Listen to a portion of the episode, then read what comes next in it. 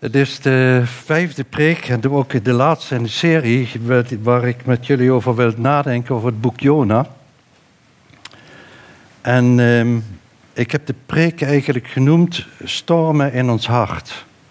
Want het stormt nogal bij, bij Jona in zijn hart.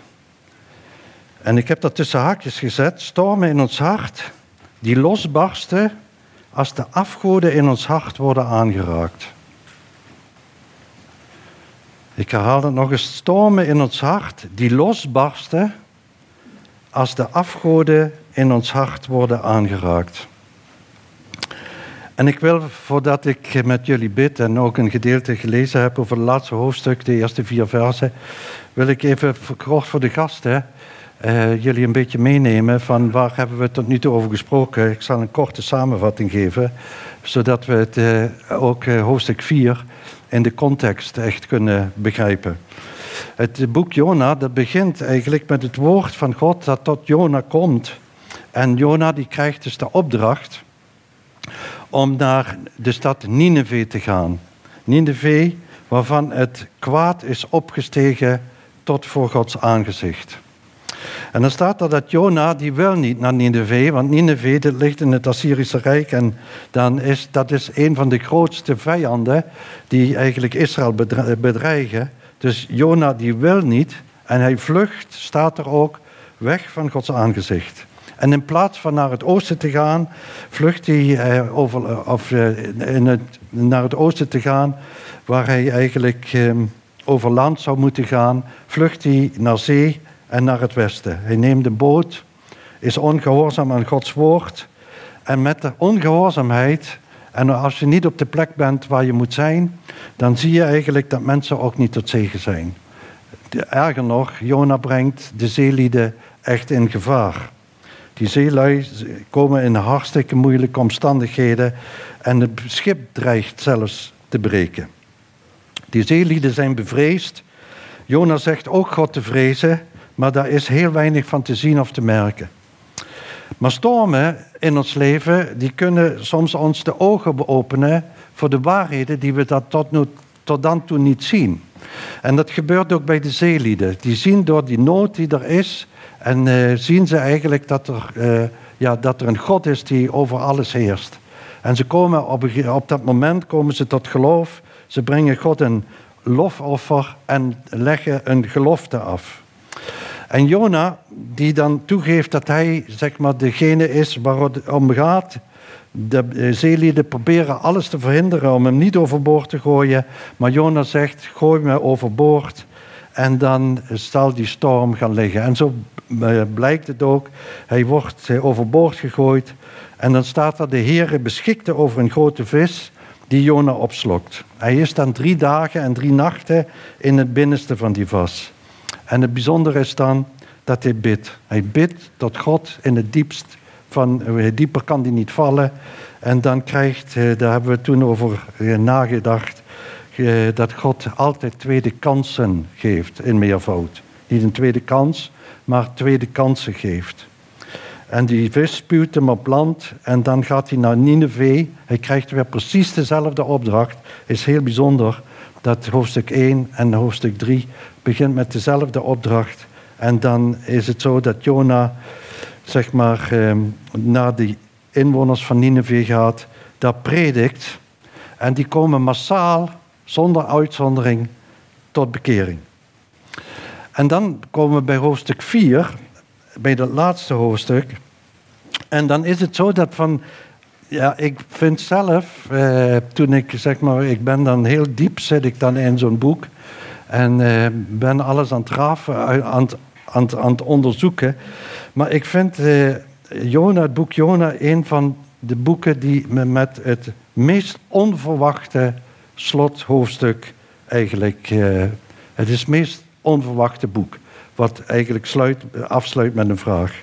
Want de meeste mensen die hebben natuurlijk wel gehoord van Jona en denken dat het afgelopen is nadat hij tot één keer is gekomen en uh, zeg maar bevrijd wordt uit die vis. Misschien weten sommigen nog dat Jona tot inkeer komt en de opdracht van God die hem gegeven heeft om naar Nineveh te gaan, omdat het kwaad er is opgestegen voor Gods aangezicht en dat hij dat ook doet. Dat deze prediking succesvol is, Nineveh zich bekeert en eigenlijk denken we dan, daar kan het verhaal ophouden. Iedereen is bekeerd, dus happy end. Toch is het een zeer opmerkelijk slot en dat boek, dat vierde hoofdstuk, dat geeft nu eigenlijk de echte lessen. Daar gaan we nu over nadenken. Over die hele echte, die echte lessen waar dat boek over, eigenlijk over gaat. Want Assyrië was de grootste wereldmacht en de vreedste. En het was dus heel begrijpelijk dat Jona afhankelijk niet naar die, hoofd, naar die hoofdstad wil gaan. Maar toen hij eigenlijk echter eindelijk Gods naderende oordeel aankondigt en dan ziet dat de mensen zich massaal bekeren, is Jona totaal verbijsterd.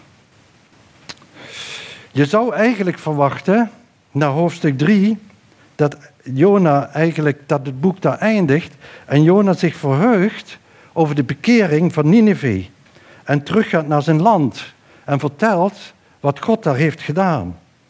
Maar in tegendeel is waar, wat God deed, wekt een enorm ergernis op bij Jona en hij werd kwaad. En waarom wordt Jona nu verteerd door een niets ontziende woede, terwijl hij gepreekt heeft aan alle mensen en niemand uitgezonderd daar een positief antwoord op geeft? Wat is nu de diepere achtergrond ervan? En die diepere achtergrond die ga ik met u eh, bestuderen, omdat het ook heel veel te zeggen heeft in ons eigen leven, omdat hier iets geopenbaard wordt wat uh, verborgen is. En God wil waarheid in het verborgene. En ik vind het heel indrukwekkend hoe God met Jona omgaat. En je mag je eigen naam daar invullen, hoe God met jou omgaat. En we lezen hoofdstuk 4. Ik heb alle teksten heb ik op sheet staan, dus dan kun je gewoon lekker meelezen op sheet wat ik gebruik, zodat we in die diepe ontspanning toch tot die diepe waarheid komen, wat hier eigenlijk ons gezegd wordt vanmorgen. Jona 4, vers 1 tot en met 4. Dus iedereen was bekeerd. Dit, die bekering, dat omkeren van dat hele volk van Nineveh, die goedertierenheid van God, dit slaat op Gods barmachtigheid, Gods genade, Gods liefde voor het volk. Dit was volstrekt kwalijk in de ogen van Jona. En hij ontstak in woede. Hij bad tot de Heer en zei, Och Heere, waren dit mijn woorden en niet woord, eh, waren dit mijn woord en niet, en niet toen ik nog in mijn eigen land was? Daarom ben ik, daarom ben ik het voor geweest door naar te vluchten. Want ik wist dat u genadig en barmachtige God bent, geduldig en rijk aan goede tierenheid, die berouw heeft over het kwaad. Nu dan, heren, neem toch mijn leven van me weg. Het is immers voor mij beter te sterven dan te leven. Maar de Heere zei, bent u, ben jij, Jona, terecht in woede ontstoken. Vader, we willen u bidden dat we dit niet beschouwend gaan bestuderen alsof het buiten ons ligt. Maar ik bid zo dat u met uw geest echt deze zaal wil bedouwen, ook met spreken, dat, uh, dat het echt intens naar ons binnen kan komen. Dat we van binnenuit mogen veranderen. Ik weet de beperking van woorden, ik weet de beperking van elke prediker, dat we de harten niet kunnen bereiken. We spreken en het is allemaal van buitenaf. Maar u, Heilige Geest, die kan het van binnen echt bewerken. Zodat we van binnenuit echt veranderen naar het beeld van uw zoon. En ook vanmorgen heeft u een hele indringende boodschap voor ons. We zingen, we willen geen andere afgoden dienen, we willen geen andere afgoden aanbidden. Maar vader, wilt u het openbaren of dat ook daadwerkelijk zo in onze harten is? Dit bid ik u zo in Jezus' naam. Wat dit eh, laatste hoofdstuk en vooral die eerste vier versen laten zien, dat is dat de motieven en de stormen van eh, Jona, die in Jonas hart worden, eh, woede, die worden hier volledig blootgelegd. Het wordt totaal onthuld. Ik wist het, zegt hij. Ik wist dat u barmachtig bent. Ik wist dat u genadig bent. Ik wist dat u een genadige God bent, zo snel vergevend, zo eindeloos geduldig. Ik wist dat u niet te vertrouwen bent. Dat zegt hij eigenlijk. Vandaar dat ik eerst ben weggelopen. Ik was er al bang voor dat eh, ik met een God zoals u bent bij deze mensen kwam. En als ze zich even zouden bekeren, dat hij vergeving zou schenken. Ik wist dat. Ik heb het helemaal met u gehad. Eigenlijk is het kort samengevat. U God, o God, ik trek me terug. Maak maar een einde aan mijn leven. Het is gewoon weg verbijsterend wat Jonas zegt. Het is, als je daarover nadenkt en met die drie hoofdstukken zo diep bent ingegaan en je komt dan bij hoofdstuk 4 en je ziet dat mensen zich bekeerd hebben, dan is het totaal verbijsterend wat hij eigenlijk uitspreekt. Eindelijk wordt blootgelegd wat er in zijn hart kolkt. De afschuw voor dit volk. De afschuw wat aan het licht komt. Jona die gruwde van het volk en vergeving was het allerergste wat kon gebeuren. Dat was echt het allerergste. Hij was bereid om naar Nineveh te gaan, om hen aan te klagen, maar liefhebben kon hij deze mensen niet. Hij wilde geen redding. Hij wilde niet dat ze genade ontvingen. En deze bekering van dit volk, kon, daarin kon hij helemaal geen vreugde vinden. Want ze waren een bedreiging. Hij wilde geen redding. Hij wilde niet dat ze een genade ontvingen. De bekering van dit volk, daarin kon hij geen vreugde vinden, want ze waren een nationale bedreiging voor Israël. En nu wordt de afgod wordt blootgelegd. Die blootgelegd in uh, wat, er hier, wat u hier ziet openbaren, wat geopenbaard wordt, is de afgoderij van een, van in het hart van een dienaar. Zijn eigen reputatie ging boven de reputatie van God. Het succes als prediker dat er oordeel zou worden uitgevoerd, was hem liever dan gehoorzaamheid. U moet zich eventjes in de context eh, bedenken dat stel eh, dat het volk eh, veroordeeld was en God het daadwerkelijk ondersteboven was gekeerd en hij was naar Israël gegaan, dan had hij gezegd, kijk eens, ik heb oordeel aangezegd en het oordeel is uitgevoerd. Maar nu moet hij naar met een verhaal terug naar Israël, dat de grootste vijand van Israël, dat die eigenlijk gered is door zijn prediking. En dan zie je eigenlijk dat het Assyrische Rijk, dat was ook de grootste vijand van Israël. Nineveh was de hoofdstad.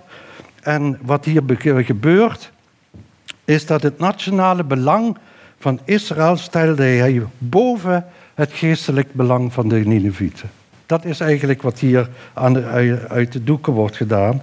Hij als Israëliet stelde zich hoog verheven boven die heidense Ninevieten. Het is bijna niet met woorden te vatten, maar hij had een religieuze afgod. Soms kan een mens religieus zijn en in die religiositeit een afgod hebben. Die afgoderij in het hart van Jona komt nu als schuim naar boven. Hij gruwde ervan dat God voor dit volk genadig zou zijn. Hij wilde niet dat ze gered worden. En als hij moest kiezen, en dat is die afgoderij, als hij moet kiezen tussen de veiligheid van Israël en de trouw aan God, dan was Jona bereid om dat terzijde te schuiven. Hij, het belang van Israël, het belang van de veiligheid van het eh, volk, de, dat was voor hem een afgod geworden. Met het gevolg dat als dat genaderd wordt, dan wordt het zo dat die bezorgdheid over zijn lang is natuurlijk goed, maar als zoiets tot een afgod gemaakt wordt, dan zal God het blootleggen.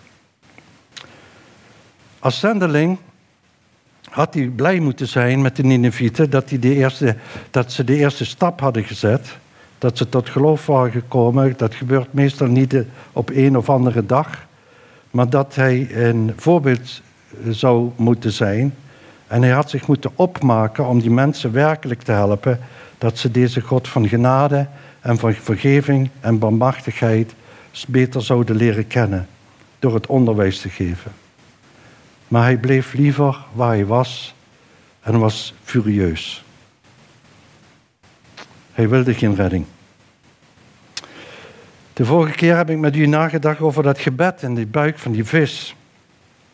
En toen hebben we stilgestaan dat hij tot de ontdekking kwam, dat Jona ook echt tot de ontdekking kwam dat alle mensen Gods liefde nodig hebben, maar die Gods liefde niet verdienen en dat iedereen en alle mensen genade nodig hebben en daartoe ook toegang hebben.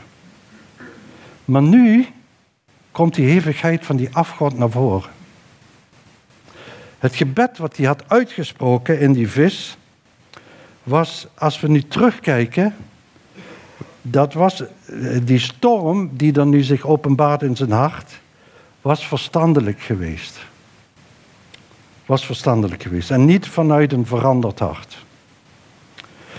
En een menselijk hart, en dat is het centrum van het denken van ons, het centrum, het menselijke hart, is eigenlijk niet het orgaan wat het bloed rondpompt, maar het menselijke hart, dat is het centrum van ons leven, waar we eigenlijk ook de relatie met God eh, kunnen ontplooien. Dat is daar waar de Heere God in ons hart maken we plannen, hebben we onze verlangens, hebben we in het hart, is eigenlijk het diepste kern van het menselijk wezen.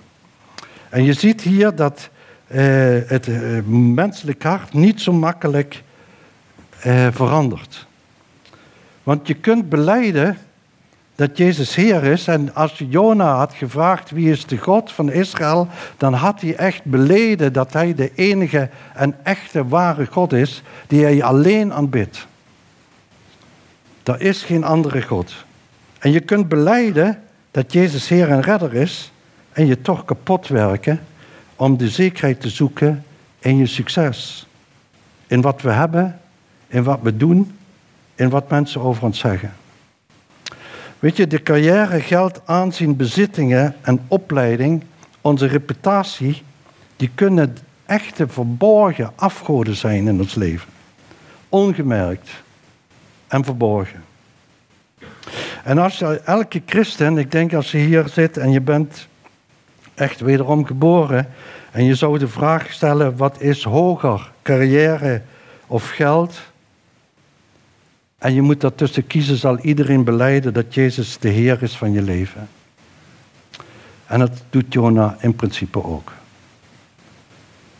Maar waar het eigenlijk om gaat, is dat eh, niet alleen hoe we over Christus denken, maar wat daar daadwerkelijk in ons leven gaande is als het genaderd wordt, als het weggehaald wordt.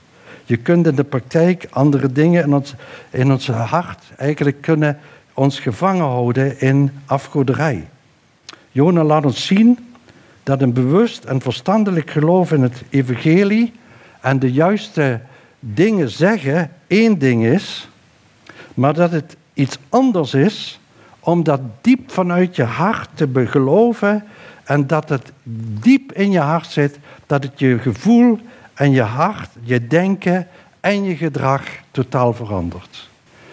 Weet je, met die, met die juiste beleidenis uit te spreken en het juiste dogma te zeggen, kan het nog altijd zijn dat je in de greep bent van een afgod. De gedachten van Jona die waren ook heel erg verwrongen. Dat zie je hier. Weet je, ik was verbijsterd. Ik ben soms dan, dan ben je met zo'n boek bezig en dan ben je, zeg maar, ik zoek dan heel wat andere literatuur en lees daarbij omheen. Maar eh, ik was eigenlijk verbijsterd om te zien hoe een menselijk hart kan reageren. En ik heb mezelf niet daarbij uitgesloten. Omdat als je Jona op de man had gevraagd dat dit voordat hij zou vertrekken en deze opdracht kreeg, of dat in zijn hart leeft, dat hij echt Israël en de veiligheid van Israël en alles wat er omheen is en de afschuw van het volk, dat dat een afgod voor hem zou, ont, uh, uh, zeg maar, zou ont, uh, laten zien. dan had hij dat van zichzelf waarschijnlijk nooit gedacht.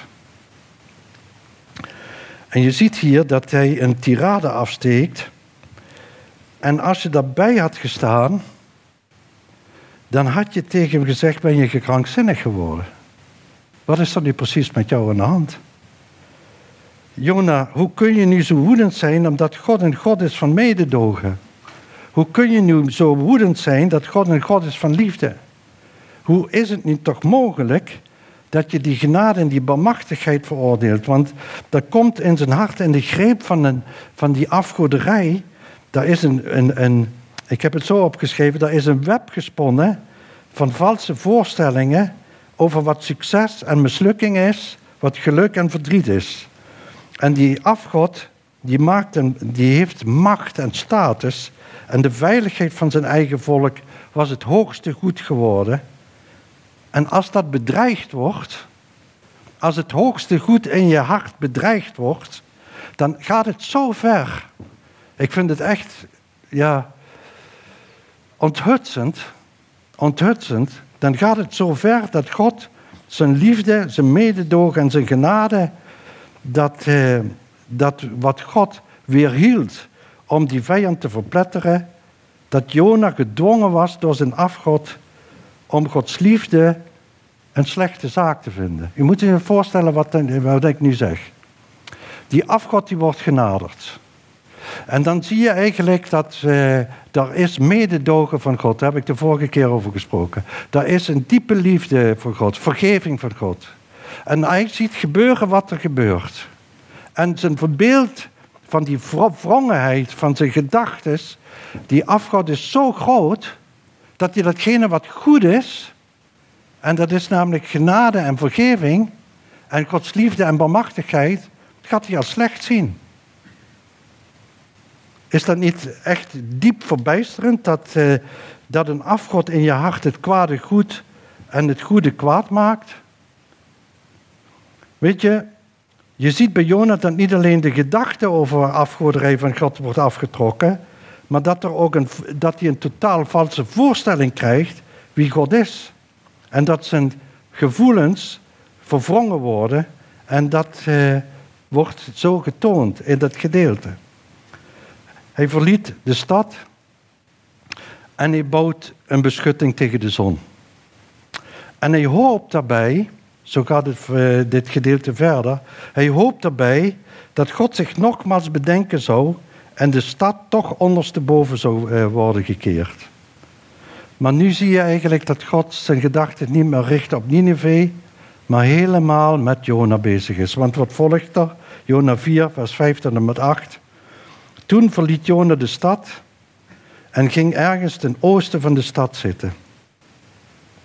Hij maakte daar voor zichzelf een afdak en ging daaronder in de schaduw zitten, tot hij zou zien wat er met de stad ging gebeuren. Je moet je voorstellen, hij gaat op een heuvel, gaat kijken en gaat kijken wat God nu gaat doen. Dat die stad uiteindelijk, ook al zijn ze bekeerd, toch ondersteboven wordt gedraaid. Ja, eigenlijk, hoe is het mogelijk? En de Heere God beschikte een wonderboom en liet hem boven Jona opschieten zodat er schaduw zou zijn boven zijn hoofd, om hem te verrijden van zijn kwelling. Jona was erg blij met de wonderboom. Volgende eh, dia. De volgende dag beschikte God bij het aanbreken van de dageraad een worm die een wonderboom stak, zodat hij verdorde. En het gebeurde toen de zon opging dat God een verzengende oostenwind beschikte en de zon stak op het hoofd van Jona zodat hij geheel uitgeput raakte. Hij verlangde erna te sterven en zei toen: Het is voor mij beter te sterven dan te leven. Hij krijgt een plant. Niemand heeft hem geplant. Opeens is hij er. Hij eh, groeit snel. Het is heerlijk een schaduwplekje te vinden. En daarop volgt de volgende teleurstelling, doordat de plant doodgaat. En opnieuw wordt hij zo boos dat hij niet meer wil leven. Als God vraagt of die woede terecht is, dan zegt Jona, terecht ben ik in woede ontstoken, tot de dood toe. En afgoderij, vervormt je gevoelens. Hij is door die afgoderij zo overweldigd dat je overtuigd is van zijn gelijk en dat er terechte verlangens zijn in zijn hart. En wat er dan gebeurt is dat een mens zegt: Als ik X niet krijg, dan is het leven niks meer waard. En als ik Z kwijt ben, dan kan ik nooit meer gelukkig worden. En eh, dan die, alledaagse tegenslagen, dat worden in zijn gedachten levensgrote rampen. Jona had zijn afgod tekort gedaan, namelijk zijn afkomst, zijn volk, zijn gedachten over zijn veiligheid. En dat was allemaal gaande in zijn hart. En de vraag is nu, waarom wil hij nu niet leven? Want daar is alleen een boompje kapot gegaan. Wat is nu de, de, de clue van dit alles? Dat is namelijk dat hij niet, uh, hij is het doel van zijn leven kwijtgeraakt. Dat is het. Hij is het doel van zijn leven kwijtgeraakt, want God is niet zijn doel. Het is de vrijheid en de veiligheid van zijn volk is zijn doel. En dat is, zeg maar, het hoogste goed. En dat, die afgod vervult hem met diepe haat en woede. En ze waren namelijk, die dat was een enorme bedreiging. En God had toegelaten door die genade dat deze afgod bedreigd wordt. Die afgod in zijn hart wordt bedreigd. En dan heeft het leven geen zin meer. Dan heeft het leven geen doen meer. En in die versen 10 en 11 wijst God Jona erop dat hij zich drukker maakt over zijn zonnesteek dan over die duizenden mensen die het verschil niet weten tussen rechts en links.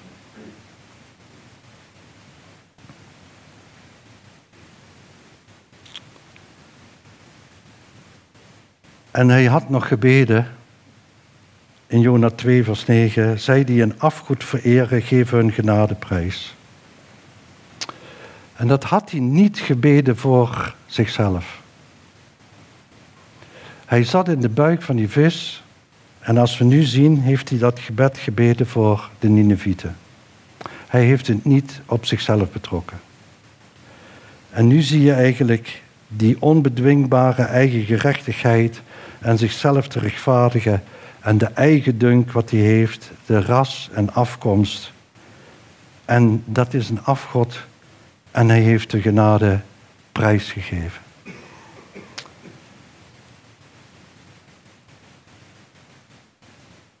Het is ontroerend dat Jezus dan vele jaren later iets vertelt over de ultieme Jona, die hij zelf is. In Matthäus 12, vers 39 en tot 31 zegt de Heer Jezus antwoorden tegen de, de Fariseërs: Dit is een verdorven en trouweloze generatie. Ze verlangt een teken, maar zal geen ander teken krijgen dan dat van de profeet Jona.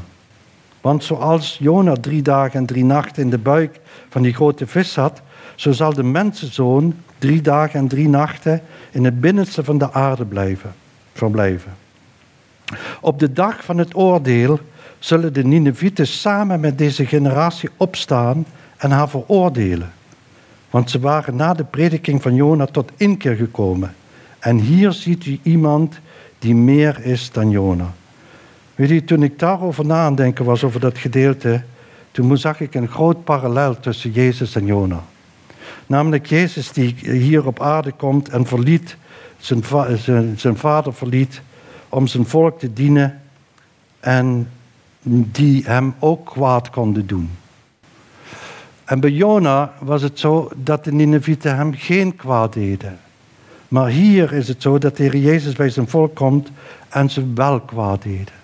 Hem, hem kruisigen en, uh, en dat hij veroordeeld, onschuldig veroordeeld wordt.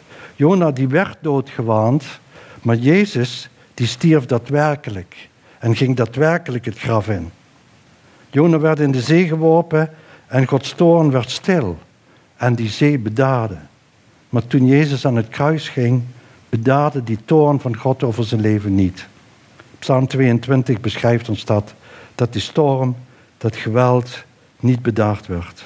Hij werd ondergedompeld in die kolkende zee van Gods storm, plaatsverlangend, zodat u en ik geen storm meer hoeven te vrezen. En het eindigt dit boek, ik werd er al op uh, bevraagd, dit eindigt dit boek zonder een antwoord te geven. Jona 4, vers 9 tot en met 11. Maar God zei tegen Jona, bent u terecht in woede ontstoken over die wonderboom? Hij zei, terecht ben ik in woede ontstoken, tot de dood toe. Daarop zei de Heer, u ontziet die wonderboom waarvoor u niet gezocht hebt en die u niet hebt laten groeien, die in één nacht ontstond en één nacht verging.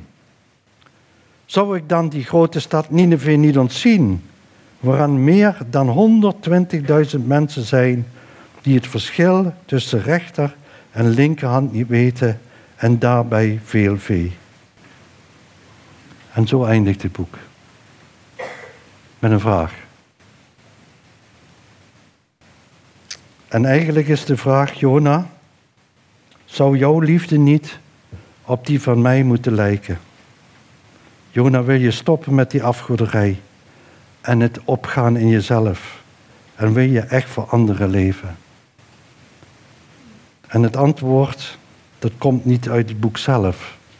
Waarom lezen we dat antwoord niet? Ik denk omdat die vraag aan ons allemaal gesteld wordt. Ik denk dat dit boek eigenlijk eindigt met een vraag zonder antwoord, dat het een vraag is aan ons, aan u, aan jou heel persoonlijk. En ook aan mij. Miel, zijn er nog afgoden in je hart? Zijn er dingen die je boven mij stelt? En als ik ze nader, wat gebeurt er dan? Wat gebeurt er dan in je hart? Weet je, ben je echt bereid om te zeggen van Heere God, ik richt me op de ultieme Jona en naar zijn teken, naar de dood en zijn opstanding en ik wil mijn eigen hart onderzoeken. Ik wil mijn eigen hart onderzoeken. Want weet je, het is, zeg maar, natuurlijk is het heel bijzonder om Jezus als Heer en Verlosser te beleiden. En dat is ook heel belangrijk dat we dat met onze mond beleiden. Maar je ziet hier dat Jona ook iets beleidt. En het toch anders is als hij geconfronteerd wordt met wat echt in hem leeft. En we willen nu luisteren naar een lied. Johanna, ga maar al uh, achter de piano zitten. Begin maar al met spelen. Het gaat over een, een prachtig lied wat, uh, wat Johanna zingt. Wat we eigenlijk als verwerking ook echt willen, we hebben gekozen. En dat is, wees mij genadig, zegt het lied. Wees mij genadig. En laten we zo in die stilte echt de God naderen. Misschien heeft er iets, is er al iets bij u aangeraakt waarin u echt uh, moet mee afrekenen. Maar laten we zo echt uh, de Heere God naderen en dan zal ik nog bidden en daarna zullen we de zegen uitspreken en de dienst beëindigen. Maar laten we gaan staan voor Gods aangezicht.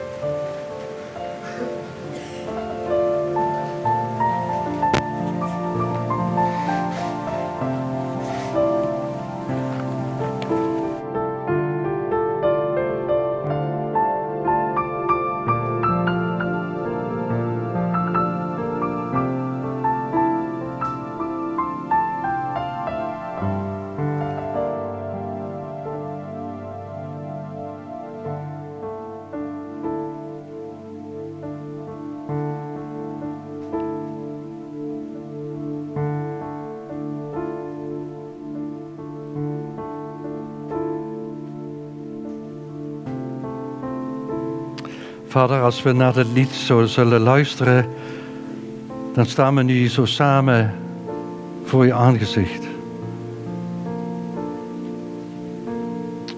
En we willen u bidden als we die woorden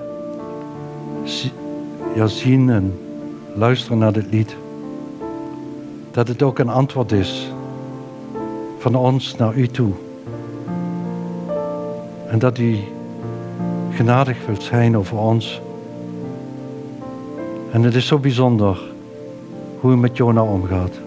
En zo wilt u ook met ons omgaan, vol van liefde en genade, maar u wilt alle blokkades wil u weghalen uit onze harten. Zodat er die vertrouwelijke, intieme omgang met u is. En dat u de Allerhoogste bent. En dan bidden we dat u ons dit wilt openbaren of dat we al besluiten kunnen nemen vanmorgen. Als u het al geopenbaard heeft tijdens de prediking. Waar we moeten mee afrekenen. Dat het een afgod is. Goede dingen. Die het beste verdrongen hebben. En we bidden u ons daarin echt genadig te zijn. Amen.